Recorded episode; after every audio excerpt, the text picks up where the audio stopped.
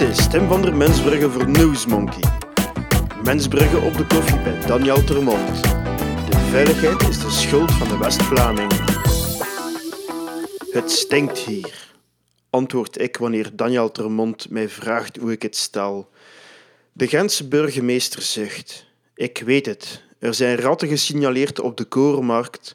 In de Brugse Poort zijn er gevallen van TBC en als die toestand hier nog lang blijft duren, vrezen mijn adviseurs dat er cholera uitbreekt in de Muiden. Gent is een ontwikkelingsland geworden. De staking van de vuilnismannen van Ivago blijft inderdaad niet zonder gevolgen. Overal in de stad liggen er metershoge stapels vuilnishakken.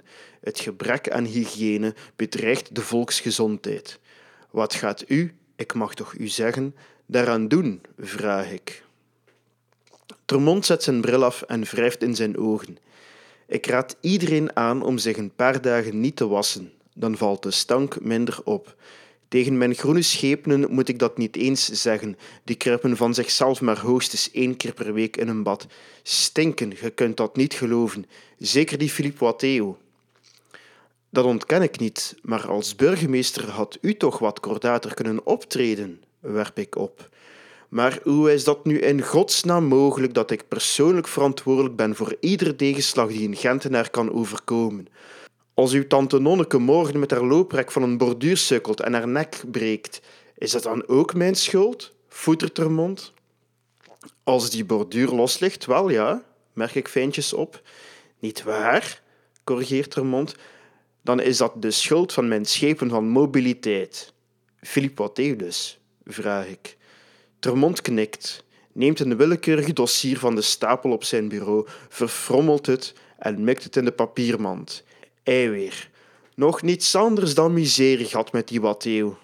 Hoe komt dat? vraag ik. Termont haalt zijn schouders op. Wat wilt ge met West-Vlamingen? Als ze in Gent komen wonen, wisselen ze hun katholiek geloof in voor ecologisme, maar het blijven regelneven en pietjes precies. Veel te principieel. Die staking bij Ivago, veroorzaakt door een West-Vlaming. Al die veiligheid die op straat blijft liggen, de schuld van de West-Vlamingen. Ah, meneer de burgemeester, op mijn kalender staat dat ik vandaag mijn afval moet buiten zetten. Ah wel, dan zet ik dat buiten, nee. Ja, jongens, alstublieft.